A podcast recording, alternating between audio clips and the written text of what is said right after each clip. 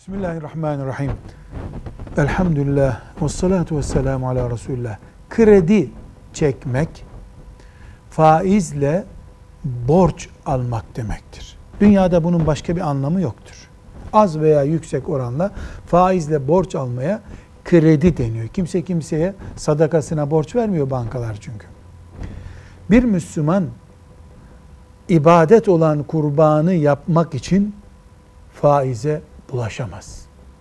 50 sene kurban da kesmez, bir kere de faize bulaşmaz. Krediyle kurban kesmektense evinde oturup Kur'an okuması daha iyidir. Velhamdülillahi Rabbil Alemin.